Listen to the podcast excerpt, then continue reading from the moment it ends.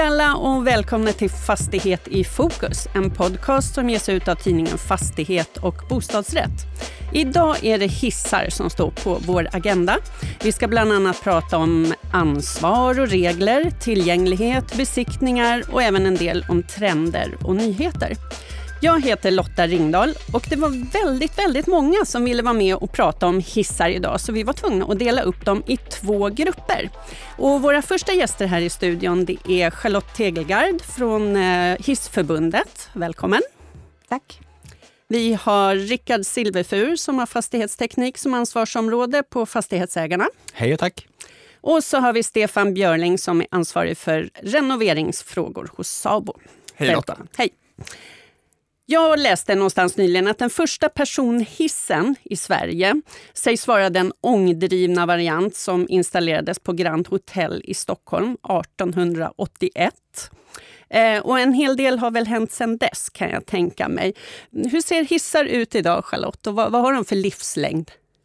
Ja, alltså hissar har ju som allt annat i en fastighet en livslängd och det är svårt att säga exakt eh, hur lång hissens livslängd är. Men det, man, det, man, det, vi, det branschen säger det är att om hissen den når upp i 20-25 år, när den är så pass gammal, då behöver den, man göra någon form av utvärdering av den. Vad, vilken status är det på hissen? Och göra en plan för att modernisera hissen. Okej, okay, och hur ser livscykeln ut? Livscykeln för en hiss börjar med att den installeras i en fastighet. Och man gör en installationsbesiktning. Det görs av ett oberoende auktoriserat installationsföretag. Därefter sätts ju hissen i drift och eh, man sköter den och man underhåller hissen. Ehm, sen varje år ska den besiktigas av ett återigen oberoende besiktningsföretag. En så kallad återkommande besiktning heter det.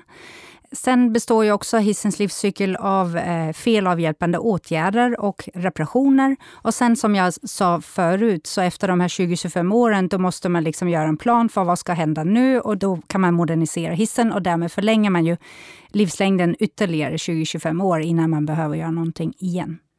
Men Rickard och Stefan, vilka risker finns om man inte har koll på det här som Charlotte talar om? Rickard, vill du börja? Ja, det är ju för en mindre fastighetsägare så kan det vara svårt att ha koll på allt man ska ha koll på. Eh, om man inte sköter om sin hiss så ökar ju risken att den stannar och att man får stopp hela tiden och då måste komma ut reparatörer.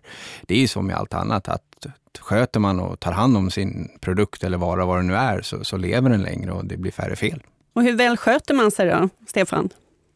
Ja, det är väldigt olika. Jag ska säga, inte säga att någon missköter sig, men just som precis Rickard sa här, för en mindre fastighetsägare så är det ju väldigt många frågor man har på sitt bord. Och just som sagt, hissen är en av de här som är väldigt viktig.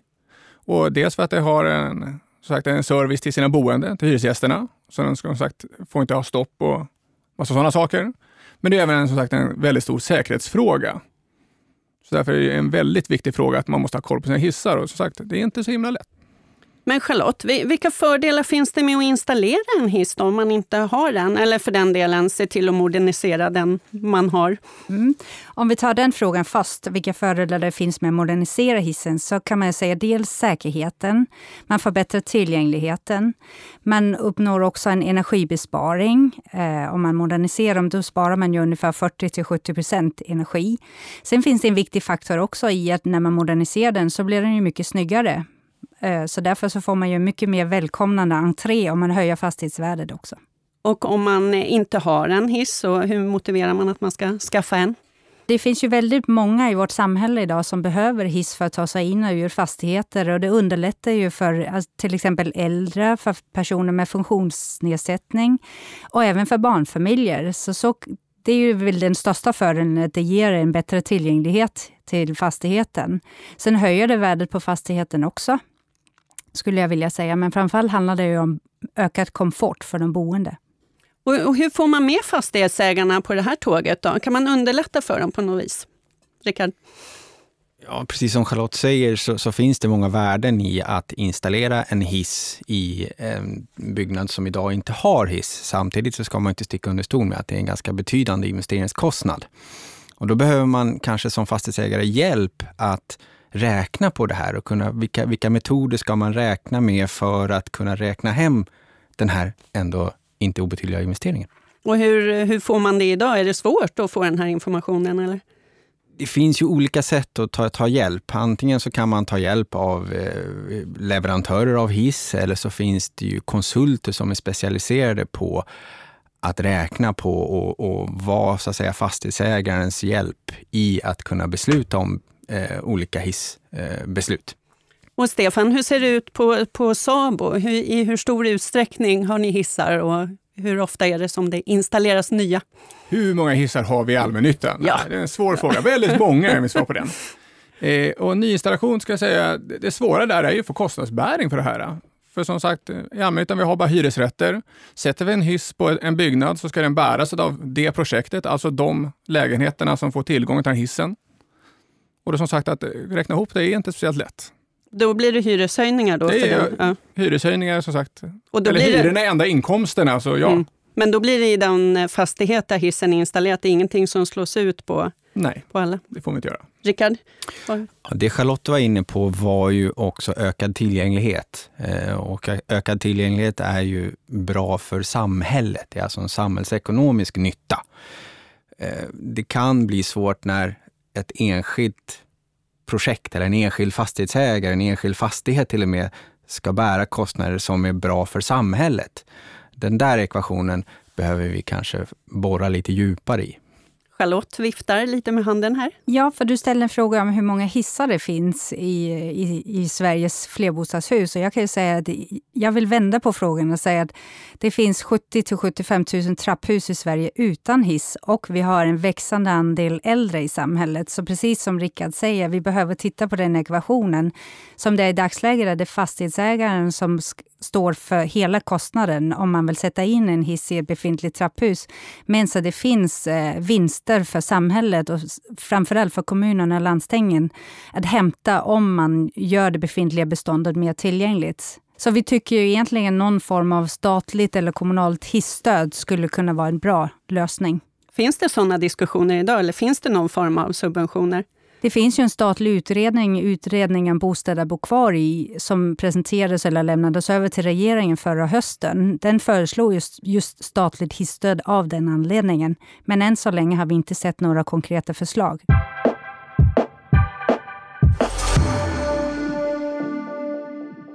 Rickard, jag vet att du har en del synpunkter på det här med tillsyn och underhåll och att kommunerna har tillsynsansvar. Kan du förklara lite hur du menar? Nej, men precis som Charlotte sa i inledningen så är kommunen den som är tillsynsmyndighet för eh, hissar. Och varje år så ska hissar inspekteras av en oberoende inspektionsfirma.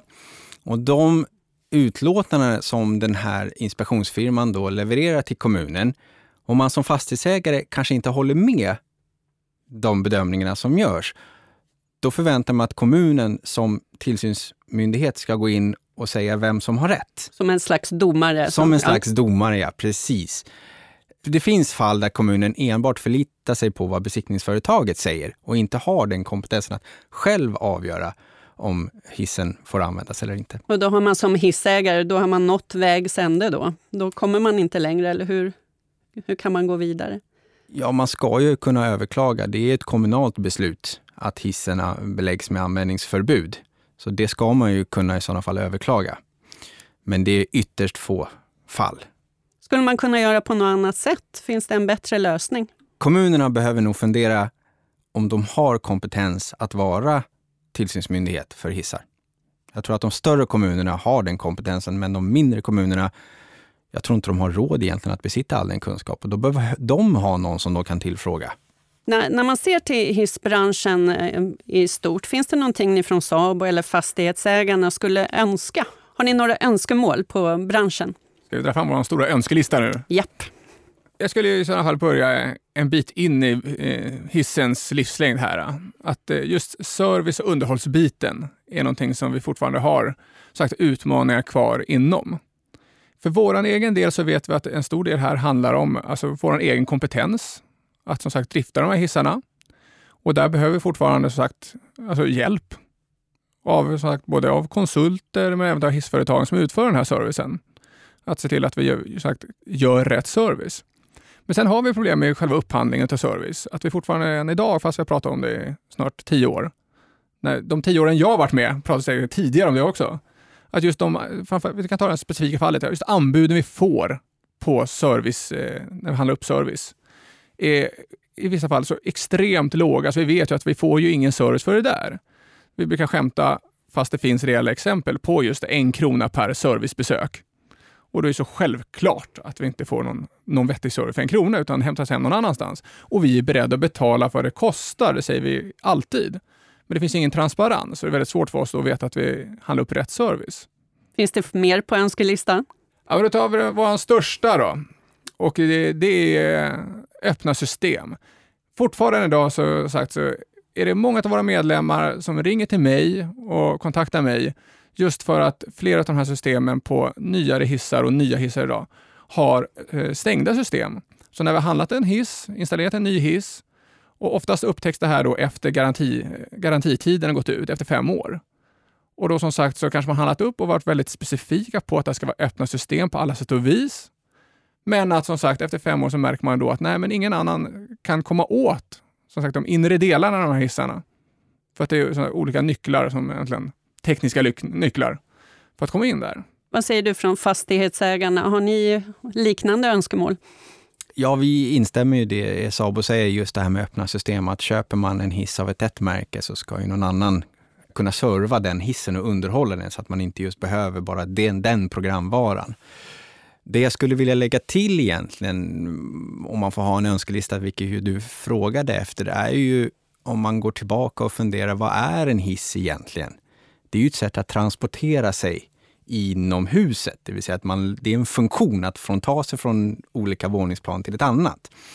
Det blir vanligt att man liksom pratar bara om hissen som produkten hissen och glömmer bort den här, vad är det för funktion hissen ska lösa? Där tror jag att hissleverantörerna skulle kunna göra mera och säga att vi säljer inte en hiss utan vi säljer ett sätt att ta sig från plan 0 till plan 5. Att det är det man levererar. Men vad blir innebörden? Innebörden blir ju att man, ett helhetsåtagande egentligen, ett funktionsåtagande. Eh, fastighetsägarna har ju även medlemmar som säljer kontorsplatser eller hyr ut kontor. Och där blir det mer vanligt att man just hyr ut funktionen en arbetsplats snarare än ytorna. Att man tänker på vad är det vi levererar? Att man går ifrån produkten eller kvadratmeter till att ta en, en helhetslösning i form av service. Det kan i förlängningen, det får vi höra sen efter, efter oss, liksom vad kommer framöver. Jag är inte främmande för att det faktiskt är hissleverantören som äger hissen inne i fastigheten. Att det är de som, det här är vår hiss. Vi garanterar att den funkar i x antal år. Sen när den inte funkar, ja då kommer vi och byter den. Eller så ser vi till att den funkar under hela den här kontraktsperioden. Så att man inte köper en sak, utan man köper en, en lösning. Att man li, lisar en hiss? Ungefär så, ja. Mm. Vad, vad, säger du Charlotte? Har du någonting att, att kommentera till de här önskemålen? Ja, jag tycker det är jättespännande och en del av det som ni lyfter, det är vi ju redan medvetna om. Men sen är det ju vissa frågor som kan vara svåra att driva från en branschorganisation, därför att man behöver följa det som heter en Code of Conduct och konkurrenslagstiftningen. Så vissa frågor som till exempel det här med anbud, det kan inte vi som Hissförbundet egentligen ta ställning till. Det är upp till eh, till hissföretagen och agerar på, på en öppen marknad. Eh, men till, som, det, och som det Rickard han föreslår, det låter ju jättespännande. Det finns ju vissa utmaningar, men det, det ser jag direkt där, för att hissen är en del av fastigheten. Så det är inte riktigt att, att jämföra med vissa andra system som finns i en fastighet. Men jättespännande. Vi, vi tycker ju allt som är nya idéer, input är jättespännande. Ser du några andra här, utmaningar för, för branschen från ert perspektiv? Ja, och det är lite inne på det faktiskt som Rickard sa också. Det är det här med att få, få politiker att inse att hissen är en viktig del av ett urbaniserat samhälle. Att den underlättar en massa människor att ta sig fram varenda dag. När hissen inte funkar, det är då man ser vilken nytta den gör. Så är det. Och det skulle jag gärna vilja ändra på, så att man förstår vilken nytta hissen gör, även när den fungerar. Jag, jag tänkte att jag skulle gå tillbaka lite. Du pratade om det här förslag eller regeringsförslaget eh, eh som, som var ute nu. När, när väntas det något besked om det? Ja, det vi vet är att det bereds inom näringsdepartementet. Förslaget, eh, alla förslagen i utredningen var ute på remiss i vintras och det var ett överväldigande stöd för just det här statliga hisstödet. Och, och som sagt, det bereds inom näringsdepartementet, men det behöver politisk vilja för att lägga fram ett förslag kring det här. Och det fanns ju tyvärr inte med i, i budgeten för 2017. Så det man kan hoppas på det är att det kommer med i budgeten nästa år. Jag tänkte också innan vi avslutar den här första delen av diskussionen så är jag nyfiken på eh, hur ni, vad ni tänker om hissar och framtiden. Och, eh, Stefan, hur ser framtidens hiss ut i din fantasi eller önskan? Ja, framtidens hiss tänker jag som allting annat som sagt som vi stoppar in i våra byggnader. Vi har hela självklara, självklara att det ska vi inte dra någon energi, kan vi liksom generera energi på något sätt? Det vore ju fantastiskt. Nej, att alla delar inom fastigheten vill vi ska vara så hållbara som möjligt. Och hållbara har gått lite information i, men vi håller fortfarande kvar vid det. Att hållbarhet ska ju vara ekologiskt, ekonomiskt och socialt. Och sen brukar jag själv då som tekniker säga även tekniskt. Så, så hållbart som möjligt och vi ska veta som sagt vad är det för någonting vi installerar och veta allting om hur den som sagt kommer fungera för under hela sin livstid. Ja, och Rickard, hur ser din framtidshiss ut? Framtidens hissar tror jag redan an, många har kloka människor har tänkt ut hur de ska fungera. Det jag var inne på tidigare är just att man kanske ska fundera på funktionen. Liksom. Vad, vilket problem är det hissen ska lösa? Istället för att titta på själva hissen. Eh, sen instämmer jag såklart i Stefans att de alla tre hållbarhetsaspekter och även den tekniska aspekten, som jag själv också är tekniker, är viktig. Det jag skulle vilja kommentera då angående det här eh, investeringsstödet eller snarare morot för att få till fler hissinstallationer. En fastighetsägare räknar kvadratmeter. Även om jag sa att fler fastighetsägare börjar sälja mm, funktioner och tjänster så är kvadratmeter ändå det som man oftast tar betalt för, det som genererar intäkter smarta hisslösningar som gör att man kan få ut mer yta ur sin byggnad är alltid välkomna. Och Charlotte, hur, hur ser du på framtiden? Hur tror du att vi kommer att åka hiss? Ja, det är väldigt svårt att svara på, men det jag, det jag hoppas på och tycker se, det är ju att, att hissbranschen börjar anamma hela digitaliseringen och försöka tänka digitalt när man tar fram nya produkter inom, inom hiss. Eh, och det tycker jag är jättespännande. Det hoppas jag att man kan utnyttja fullt ut. Är det någonting mer som ni vill eh, tillägga i det här innan vi går vidare och släpper in eh, nya personer i studion? Ja, jag har en, också en liten eh, sak som jag alltid försöker ta upp och det är regelförenklingar. Vi inledde det här avsnittet med att säga att det är inte helt lätt att äga en hiss. Det är många saker man ska hålla koll på tillsammans med allt övrigt man ska hålla koll på. Finns det sätt att förenkla reglerna så tycker jag att man ska försöka göra det. Det är ganska många regler för en fastighetsägare att hålla koll på. Och håller självfallet med fastighetsägarna på den punkten. Och Charlotte? Ja, det tycker vi ju givetvis också att det finns många regler. Men, och där ser vi ju att vi fyller en funktion att försöka informera fastighetsägarna om vad det är som gäller på ett enkelt sätt. Vi, vi, vårt mål är att försöka göra det lättare med hiss. Vi tackar så mycket till er som att ni ville komma hit. Och så ska vi eh, råda om här i studion och släppa in tre nya gäster.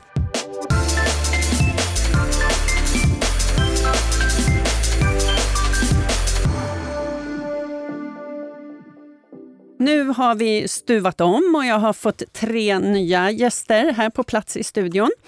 Vi har dels Lennart Strandman från Kone. Välkommen. Ja, tack så mycket. Vi har Styrbjörn Andrén från Hissgruppen. Jajamän. Och vi har Jonas Lindahl från Däckra. Ja, just det. Välkomna alla tre.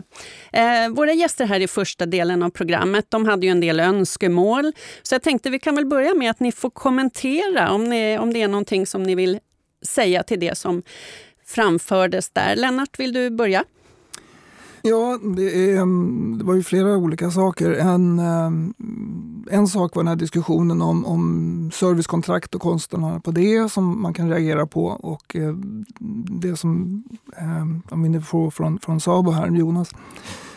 Ja, vi har ju LU-lagen, lagen om offentlig upphandling, som väldigt ofta landar i att det handlar om lägsta pris. Och sen handlar det om att på något vis trixa till det som leverantör, att ändå göra pengar på den här affären. Och, och det där är en olycklig effekt som, som det blir av det. Och det är inte bra för varken den som köper eller den som levererar egentligen. Hur kommer man till rätta med det? Man måste hitta kvalitetsnivåer, kvalitetsmål istället för rena pengar. Och, och, ofta handlar det om en begränsad kompetens hos den som handlar upp. Att förstå, de ska handla upp allt från snöskottning, hisservice, vägasfaltering, allt möjligt. Och då blir det svårt att eh, hitta just specifika kvalitetsmål för de olika branscherna. Så att det, det, är, det är en utmaning att vara upphandlare tror jag. Lite mer expert, eh, expertiskunskap hos upphandlarna? Det skulle nog gynna. Styrbjörn, är det någonting som du reagerade på som diskuterades här i första delen? Nej, men eh, precis som Lennart sa, så det här med lagen om offentlig upphandling, den är man lite orolig och särskilt efter stödstrumpeskandalerna här. Det är ju räknesnurror som skulle kunna göra samma sak i hissbranschen. Att man, man sköter en hiss för noll kronor och någonstans ska pengarna in. Och det kan bli väldigt olyckligt och öppnar också för oseriositet. Så det tycker ju ingen är så kul att jobba med. Så det vill man ju undvika. Sen så funktionsansvar och eh, att hissföretagen skulle ta mer ansvar för hissen. Då, då, då, är det ju så att en hiss anses vara en byggnadsdel och det det förhindrar att vi kan inte stoppa in våran hiss i en fastighetsägares hus, så att säga rent juridiskt. Så att det är lite... Men funktions och totalansvar försöker man ju erbjuda då, då, så mycket det går. Det är väl lite så att eh, fastighetsägare tycker ju själva att de har köpt en skötsel av en, utav en seriös hissfirma. De har skapat ett kontrakt med ett besiktningsorgan som kommer och tittar på hissen varje år. Och så känner man att då borde jag vara klar. Men riktigt tyvärr är det inte så, utan de är fortfarande ansvariga i slutändan. Men, så att det är svårt att köpa sig helt fri som fastighetsägare. Vi återkommer till det här med, med, regler här alldeles strax. Men jag tänkte du Jonas, är det någonting som du vill kommentera till den gruppen vi hade i första vändan här av programmet? Ja, det är väl som Styrbjörn och Lennart har sagt här att man får vad man betalar för många gånger. Det är det, det, är det som styr vad man, eh, vad man handlar upp för produkt. Men jag skulle också vilja säga det där med, med eh, säkerheten eh, och kvadratmeterna. Det är precis som sades tidigare att man vill ha ut så mycket kvadratmeter yta som möjligt av lägenheten.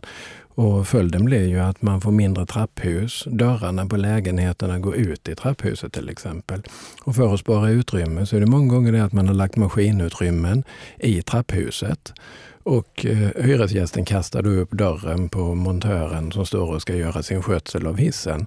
Eller som vi till och med har sett i en del fall, man kan öppna eh, lägenhetsdörren så att den sticker in i hisskorgen.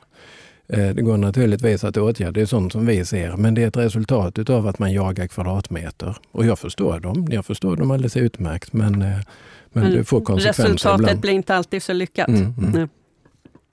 När det, när det gäller det här med, med grundläggande säkerhetsprinciper, nya direktiv och regler, vad, vad är det man måste ha koll på som hissägare, Lennart? Som hissägare måste man ju ha koll på framförallt nummer ett, då, det vi har sagt här, att man faktiskt är ansvarig för hissen som ägare av den. Att det går inte liksom att lämna bort i tron att skötselföretaget och besiktningen sköter det här åt mig. Så att säga.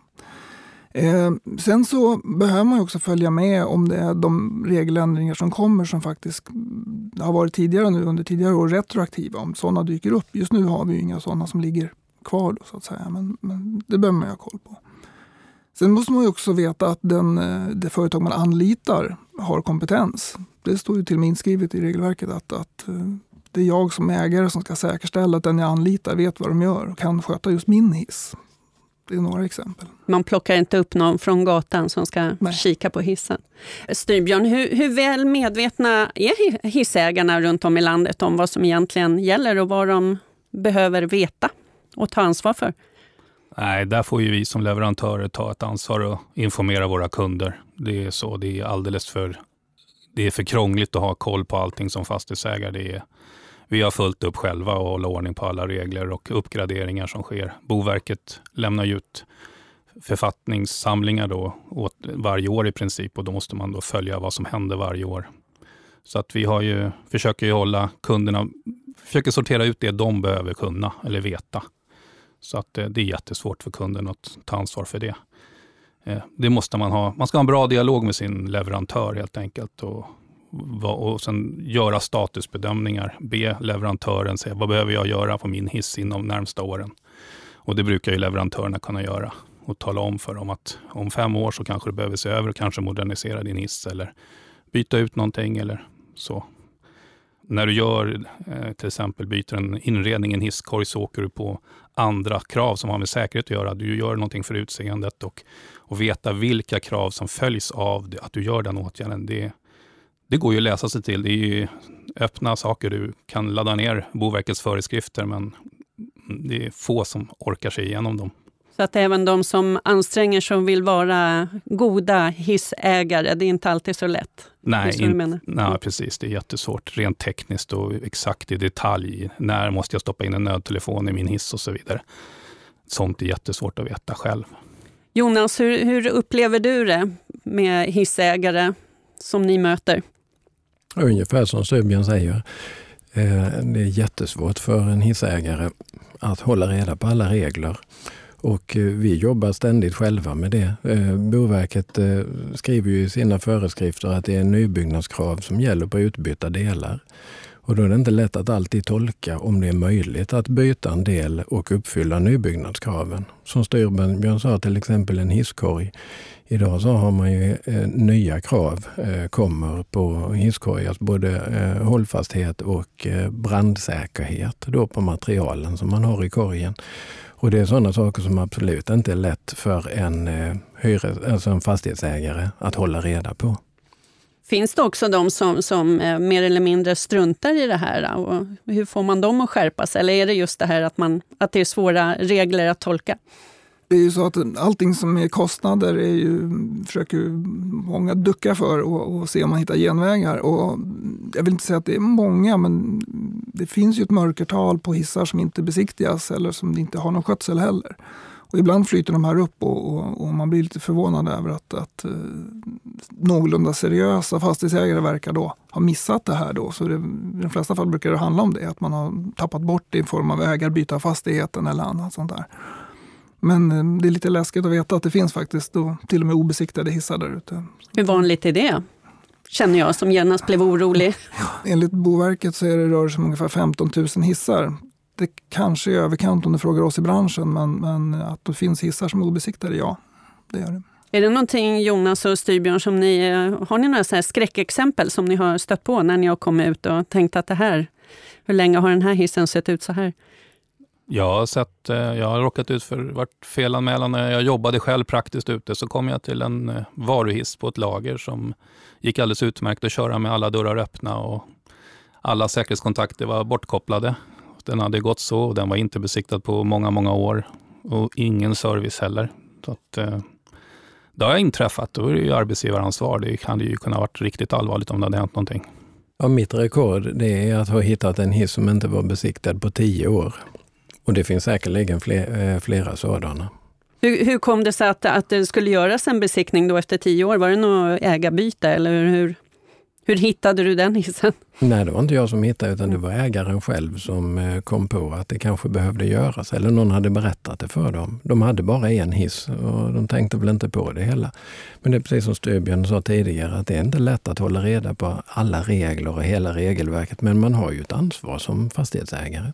Finns det ingen, vi, vi, pratade om det där tidigare, att kommuner hade tillsynsansvar. Det är inte så att de går ut och, och gör några såna här checkar på ja, seglar in i, i trappuppgångarna och kollar på dekalen när den var besiktigad?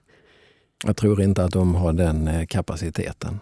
Eh, eller att prioritera det, utan man, eh, man, man gör ett eh, tillslag om någon anmäler det helt enkelt. Man, systemet fungerar ju så att det ska sitta en liten besiktningsskylt i varje hiss.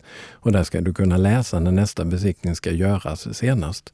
Och så förväntar man sig att allmänheten eh, hittar en sån lapp och hittar de ingen lapp så förväntar man sig också att de hör av sig. Det är lite så systemet är byggt.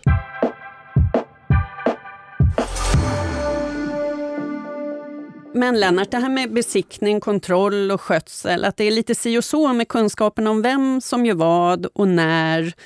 och hur. Eh, kan inte du reda ut begreppen lite här? Absolut. Det, det är, enklast är nog att jämföra med bilar. Att, eh, du som bil, är bilägare du äger din bil och du lämnar den på service med jämna mellanrum. Men besiktningen det sköter någon helt annan, inte verkstaden där du lämnar bilen. Utan att det är då eh, exempelvis Dekra här då, som bland annat besiktar bilar. Och de är alltså helt fristående från skötselföretagen som är helt oberoende part. Och eh, besiktningsbolagen akkrediteras ju och, och är liksom godkända för att få ha besiktningar. Servicebolag finns det liksom ingen akkreditering för utan att eh, det är bara att vi ska kunna vår sak. Kunna bevisa det och visa upp att vi kan det. Har man någon slags certifikat eller något liknande då? Eller hur ska jag som hissägare veta att jag har, är det på rekommendation jag ska välja servicebolag? Eh, ja, det finns ju ingen, inget certifikat så att säga, eller någon, någon stämpel att vi är godkända. Men eh, att man kan visa upp saker, att man har ordning och reda i papperna, att man kanske exempelvis är ISO-certifierad i kvalitet och sådana saker. Det Finns det något annat som ni tycker är viktigt att lyfta fram när det gäller det här med hisskötsel och besiktningar? Vad, vad säger du Styrbjörn? Nej, men man, framförallt att man ska inte underskatta själva det, alltså servicearbetet som görs på hissarna, underhållsservicen då menar jag ju då. Eh, det är om, återigen som bilar, man skulle ju aldrig drömma om att inte smörja en bil. Om den säger man att man ska smörja en bil var 1500 mil så gör man ju det. Eh, det är samma sak på hissar. Vi har hjul med kullager och sånt som behöver smörjning. Annars går de sönder och då blir det dyrt. Eh, och sen är det ju rengöring som vi lägger väldigt mycket tid på, för det är ju ingen annan som går in i schaktet och städar. Och vissa hissgropar kan ju vara en brandrisk helt enkelt till slut. Men hur ofta ska man serva sin hiss? Ja, det är ju väldigt mycket kopplat till vilken verksamhet som bedrivs, hur mycket hissen uh, kör och sen är det ju hur gammal den är så att säga. Eh, så att, eh, en normal bostadshiss brukar ju oftast behöva tre till fyra besök per år om man tänker sig på vanliga bostäder. Men eh, kontorshiss kan ju vara hur mycket som helst. En parkeringsgarage inne i city, det kan ju vara varje månad. Det, så det beror, man ska ju verkligen göra en värdering utifrån det, det objektet som det gäller. Så det är unikt för varje hiss skulle jag påstå. Och Jonas, ni som, som eh, besiktigar, hur, eh, hur tycker du att det står till med servicen? Är det någonting som sker tillräckligt ofta eller är det mycket ni får anmärka på? Jag skulle nog säga som så att vi har cirka 30 procent i, eh, alltså i brister vid en besiktning. 30 procent av hissarna vi besiktigar har en brist. Eh, väldigt många gånger så hänger det ju samman med Eh, att, att eh, någon har vandaliserat den, tagit sönder någonting. Eh, och sedan så, precis som Stubien säger, så handlar det om hur hård drift har man och hur mycket service eh, gör man då på, på hissen. Jag skulle vilja säga att de, de företag som finns i, i Sverige sköter hissarna eh, så gott de kan. Eh, eller sköter dem bra. Medan det är ju många gånger eh, fastighetsägaren som sätter hur mycket hissen ska skötas. Och, och då får man återigen vad man betalar för. Men det här med 30 procent, är det någonting som har legat fast över tid eller har det blivit sämre eller bättre? Det brukar variera. När vi har, när vi har tittat på statistiken så brukar det variera mellan 27 och 35 procent ungefär som är, är brister. Då. Och så har det varit ungefär så länge som jag har jobbat i branschen. Och det är sedan 85, så att det, jag skulle vilja säga att det är ungefär likt. Det är snart dags att tacka för idag. Eh, men jag tänkte vi måste ju också få ha med lite nyheter och lite framtidsspaningar. Tänkte jag. Eh, Styrbjörn, vi pratade ju tidigare om det här med livscykelanalys och, och det är ett begrepp som är väldans i ropet, eller har varit den senaste tiden. Men finns det annat som är på ingång i branschen eller några spännande projekt eller nyheter? Ja, jag vill bara återkoppla till, vi har pratat om hissens livscykel, men livscykelanalys handlar ju mycket om hur du, vad du byter ut. Efter de här 25 åren som Charlotte nämnde, då, då så handlar det om att, att återanvända. Vi pratar om cirkulär eh, ekonomi nu för tiden. Det har blivit jättepopulärt. De sista tio åren har vi lagt jättemycket på att få energieffektiva hissar. Det är ju det vi har jobbat med jättemycket.